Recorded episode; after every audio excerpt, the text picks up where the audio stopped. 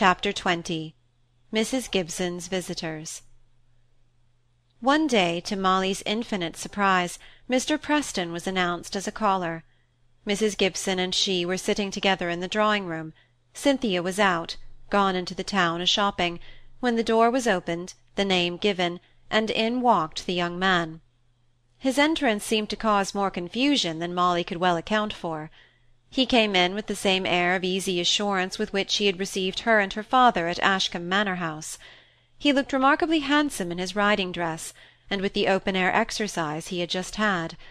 But Mrs. Gibson's smooth brows contracted a little at the sight of him, and her reception of him was much cooler than that which she usually gave to visitors. Yet there was a degree of agitation in it which surprised Molly a little. Mrs. Gibson was at her everlasting worsted-work frame when Mr. Preston entered the room, but somehow in rising to receive him she threw down her basket of crewels, and declining Molly's offer to help her, she would pick up all the reels herself before she asked her visitor to sit down. He stood there hat in hand, affecting an interest in the recovery of the worsted which Molly was sure he did not feel for all the time his eyes were glancing round the room, and taking note of the details in the arrangement. At length they were seated, and conversation began. "It is the first time I have been in Hollingford since your marriage, Mrs. Gibson, or I should certainly have called to pay my respects sooner." "I know you were very busy at Ashcombe. I did not expect you to call. Is Lord Cumnor at the Towers? I have not heard from her ladyship for more than a week." "No, he seemed still detained at Bath; but I had a letter from him giving me certain messages for Mr. Sheepshanks. Mr. Gibson is not at home, I'm afraid?" "No, he is a great deal out, almost constantly, I may say. I had no idea that I should see so little of him. A doctor's wife leads a very solitary life, Mr. Preston." "You can hardly call it solitary, I should think, when you have such a companion as Miss Gibson always at hand said he, bowing to Molly. Oh, but I call it solitude for a wife when her husband is away. Poor Mr. Kirkpatrick was never happy unless I always went with him. All his walks, all his visits, he liked me to be with him. But somehow Mr. Gibson feels as if I should rather be in his way. I don't think you could ride pillion behind him on Black Bess, mamma, said Molly. And unless you could do that, you could hardly go with him in his rounds up and down all the rough lanes. Oh, but he might get a brougham. I've often said so, and then I could use it for visiting in the evenings. Really, it was one reason why I didn't go to the Hollingford charity ball. I couldn't bring myself to use the dirty fly from the George. We really must stir papa up against next winter, Molly. It will never do for you and She pulled herself up suddenly, and looked furtively at Mr. Preston to see if he had taken any notice of her abruptness. Of course he had, but he was not going to show it. He turned to Molly and said, "Have you ever been to a public ball yet, Miss Gibson?" "No," said Molly. "It will be a great pleasure to you when the time comes." "I'm not sure. I shall like it if I have plenty of partners, but I'm afraid I shan't know many people." "And you suppose that young men haven't their own ways and means of being introduced to pretty girls?" It was exactly one of the speeches Molly had disliked him for before and delivered too in that kind of underbred manner which showed that it was meant to convey a personal compliment. Molly took great credit to herself for the unconcerned manner with which she went on with her tatting, exactly as if she had never heard it. I only hope I may be one of your partners at the first ball you go to. Pray remember my early application for that honour, when you were overwhelmed with requests for dances. I don't choose to engage myself beforehand, said Molly, perceiving from under her dropped eyelids that he was leaning forward and looking at her as though he was determined to have an answer. Young ladies are always very cautious in fact, however modest they may be in profession, he replied, addressing himself in a nonchalant manner to Mrs. Gibson. In spite of Miss Gibson's apprehension of not having many partners, she declines the certainty of having one. I suppose Miss Kirkpatrick will have returned from France before then? He said these last words exactly in the same tone as he had used before, but Molly's instinct told her that he was making an effort to do so. She looked up. He was playing with his hat, almost as if he did not care to have any answer to his question. Yet he was listening acutely, and with a half smile on his face. Mrs. Gibson reddened a little and hesitated. Yes, certainly. My daughter will be with us next winter, I believe, and I dare say she will go out with us. Why can't she say at once that Cynthia is here now? asked Molly of herself, yet glad that Mr. Preston's curiosity was baffled. He still smiled, but this time he looked up at Mrs. Gibson as he asked, "You have good news from her, I hope?" "Yes, very. By the way, how are our old friends the Robinsons? How often I think of their kindness to me at Ashcombe! Dear good people, I wish I could see them again." "I will certainly tell them of your kind inquiries. They are very well, I believe." Just at this moment Molly heard the familiar sound of the click and opening of the front door. She knew it must be Cynthia, and, conscious of some mysterious reason which made Mrs. Gibson wish to conceal her daughter's whereabouts from Mr. Preston, and maliciously desirous to baffle him, she rose to leave the room, and meet Cynthia on the stairs; but one of the lost crewels of worsted had entangled itself in her gown and feet, and before she had freed herself of the encumbrance, Cynthia had opened the drawing-room door and stood in it, looking at her mother, at Molly, at Mr. Preston, but not advancing one step. Her color, which had been brilliant the first moment of her entrance, faded away as she gazed; but her eyes, her beautiful eyes, usually so soft and grave, seemed to fill with fire, and her brows to contract as she took the resolution to come forward and take her place among the three, who were all looking at her with different emotions. She moved calmly and slowly forwards. Mr. Preston went a step or two to meet her, his hand held out and the whole expression of his face that of eager delight. But she took no notice of the outstretched hand, nor of the chair that he offered her. She sat down on a little sofa in one of the windows, and called Molly to her. Look at my purchases, said she. This green ribbon was fourteenpence a yard, this silk three shillings. And so she went on, forcing herself to speak about these trifles as if they were all the world to her, and she had no attention to throw away on her mother and her mother's visitor. Mr. Preston took his cue from her. He, too, talked of the news of the day, the local gossip, but Molly, who glanced up at him from time to time, was almost alarmed by the bad expression of suppressed anger, almost amounting to vindictiveness, which entirely marred his handsome looks. She did not wish to look again, and tried rather to back up Cynthia's efforts at maintaining a separate conversation. Yet she could not help overhearing Mrs. Gibson's strain after increased civility, as if to make up for Cynthia's rudeness, and, if possible, to deprecate his anger. She talked perpetually, as though her object were to detain him, whereas previous to Cynthia's return she had allowed frequent pauses in the conversation, as though to give him the opportunity to take his leave. In the course of the conversation between them, the Hamleys came up. Mrs. Gibson was never unwilling to dwell upon Molly's intimacy with this county family, and when the latter caught the sound of her own name, her stepmother was saying, "Poor Mrs. Hamley could hardly do without Molly; she quite looked upon her as a daughter, especially towards the last, when I am afraid she had a great deal of anxiety. Mr. Osborne Hamley, I dare say you have heard, he did not do so well at college, and they had expected so much; parents will, you know; but what did it signify? for he had not to earn his living. I call it a very foolish kind of ambition when a young man has not to go into a profession." "Well, at any rate, the squire must be satisfied now. I saw this morning's Times with the Cambridge examination lists in it. Is it the second son called after his father, Roger?" "Yes," said Molly, starting up and coming nearer. "He's senior wrangler, that's all," said Mr. Preston, almost as though he were vexed with himself for having anything to say that could give her pleasure. Molly went back to her seat by Cynthia.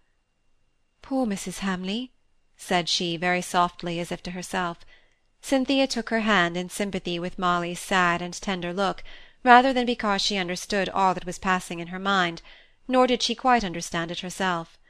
A death that had come out of time, a wonder whether the dead knew what passed upon the earth they had left, the brilliant Osborne's failure, Roger's success, the vanity of human wishes.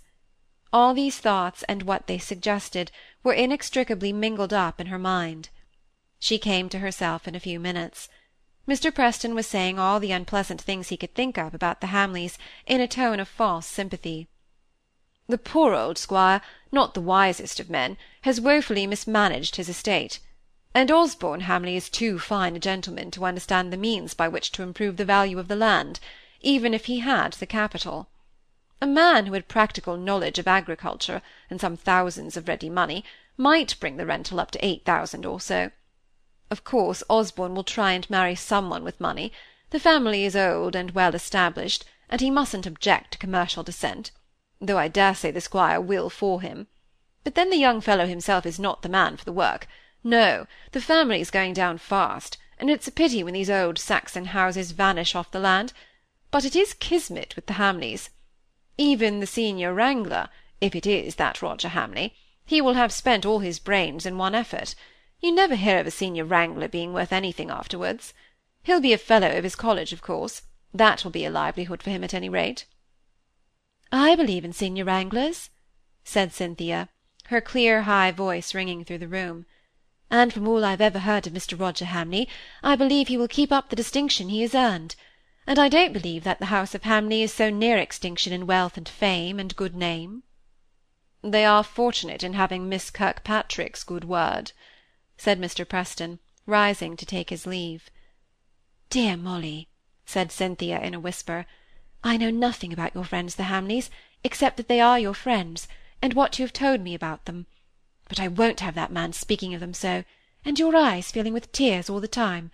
I'd sooner swear to their having all the talents and good fortune under the sun. The only person of whom Cynthia appeared to be wholesomely afraid was Mr. Gibson. When he was present, she was more careful in speaking, and showed more deference to her mother.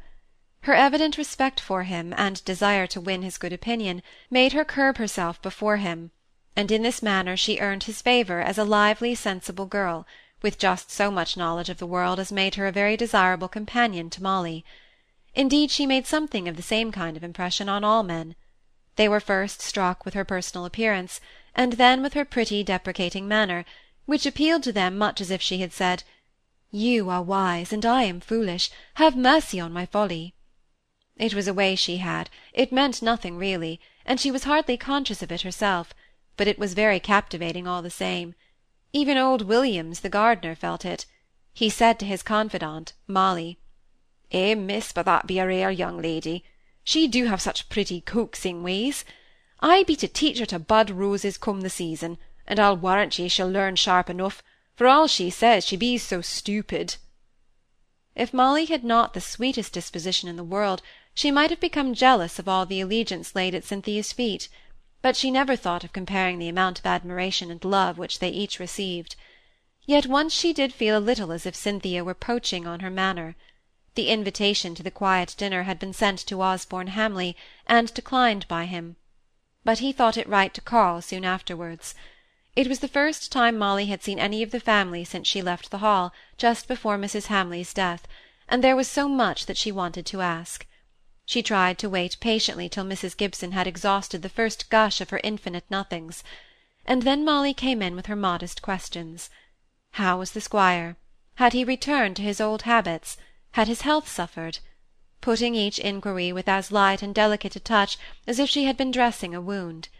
She hesitated a little, a very little, before speaking of Roger, for just one moment the thought flitted across her mind that Osborne might feel the contrast between his own and his brother's college career too painfully to like to have it referred to. But then she remembered the generous brotherly love that had always existed between the two, and had just entered upon the subject when Cynthia, in obedience to her mother's summons, came into the room and took up her work. No one could have been quieter, she hardly uttered a word, but Osborne seemed to fall under her power at once. He no longer gave his undivided attention to Molly. He cut short his answers to her questions, and by and by, without Molly's rightly understanding how it was, he had turned towards Cynthia and was addressing himself to her. Molly saw the look of content on Mrs. Gibson's face. Perhaps it was her own mortification at not having heard all she wished to know about Roger, which gave her a keener insight than usual, but certain it is that all at once she perceived that Mrs. Gibson would not dislike a marriage between Osborne and Cynthia, and considered the present occasion as an auspicious beginning. Remembering the secret which she had been let into so unwillingly, Molly watched his behaviour, almost as if she had been retained in the interest of the absent wife. But after all, thinking as much of the possibility of his attracting Cynthia as of the unknown and mysterious Mrs. Osborne Hamley.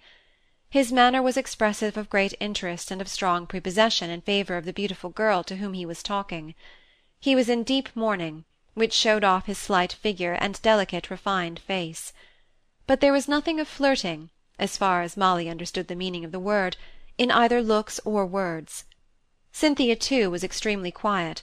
She was always much quieter with men than with women; it was part of the charm of her soft allurement that she was so passive. They were talking of France. Mrs. Gibson herself had passed two or three years of her girlhood there, and Cynthia's late return from Boulogne made it a very natural subject of conversation. But Molly was thrown out of it, and with her heart still unsatisfied as to the details of Roger's success, she had to stand up at last and receive Osborne's good-bye scarcely longer or more intimate than his farewell to Cynthia. As soon as he was gone, Mrs. Gibson began in his praise. Well, really, I begin to have some faith in long descent. What a gentleman he is! How agreeable and polite! So different from that forward Mr. Preston, she continued, looking a little anxiously at Cynthia. Cynthia, quite aware that her reply was being watched for, said coolly, Mr. Preston doesn't improve on acquaintance. There was a time, mamma, when I think both you and I thought him very agreeable. I don't remember. You've a clearer memory than I have. But we were talking of this delightful Mr. Osborne Hamley. My Molly, you were always talking of his brother. It was Roger this and Roger that. I can't think how it was you so seldom mentioned this young man. I didn't know I had mentioned Mr. Roger Hamley so often, said Molly, blushing a little. But I saw much more of him. He was more at home. Well, well, it's all right, my dear. I dare say he suits you best. But really, when I saw Osborne Hamley close to my Cynthia, I couldn't help thinking but perhaps I'd better not tell you what I was thinking of. Only they are each of them so much above the average in appearance, and of course that suggests things. I perfectly understand what you were thinking of, mamma, said Cynthia with the greatest composure. And so does Molly, I have no doubt. Well, there's no harm in it, I'm sure. Did you hear him say that though he did not like to leave his father alone just at present, yet that when his brother Roger came back from Cambridge, he should feel more at liberty?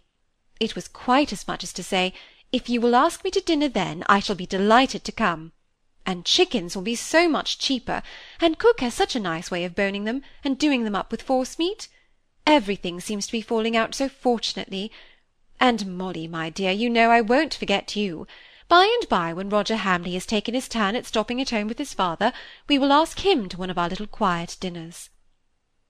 Molly was very slow at taking this in, but in about a minute the sense of it had reached her brain, and she went all over very red and hot, especially as she saw that Cynthia was watching the light come into her mind with great amusement. I'm afraid Molly isn't properly grateful, mamma. If I were you, I wouldn't exert myself to give a dinner party on her account. Bestow all your kindness upon me. Molly was often puzzled by Cynthia's speeches to her mother, and this was one of these occasions. But she was more anxious to say something for herself. She was so much annoyed at the implication in Mrs. Gibson's last words. Mr. Roger Hamley has been very good to me. He was a great deal at home when I was there, and Mr. Osborne Hamley was very little there. That was the reason I spoke so much more of one than the other. If I had, if he had losing her coherence in the difficulty of finding words. I don't think I should. Oh, Cynthia, instead of laughing at me, I think you might help me to explain myself. Instead, Cynthia gave a diversion to the conversation. Mamma's paragon gives me an idea of weakness. I can't quite make out whether it's in body or mind. Which is it, Molly? He is not strong, I know, but he's very accomplished and clever. Every one says that even papa, who doesn't generally praise young men. That made the puzzle the greater when he did so badly at college. Then it's his character that is weak. I'm sure there's weakness somewhere, but he's very agreeable. It must have been very pleasant staying at the Hall. Yes, but it's all over now. Oh, nonsense, said Mrs. Gibson, wakening up from counting the stitches in her pattern. We shall have the young men coming to dinner pretty often, you'll see. Your father likes them, and I shall always make a point of welcoming his friends. They can't go on mourning for a mother for ever. I expect we shall see a great deal of them, and that the two families will become very intimate. After all, these good Hollingford people are terribly behindhand, and I should say rather commonplace.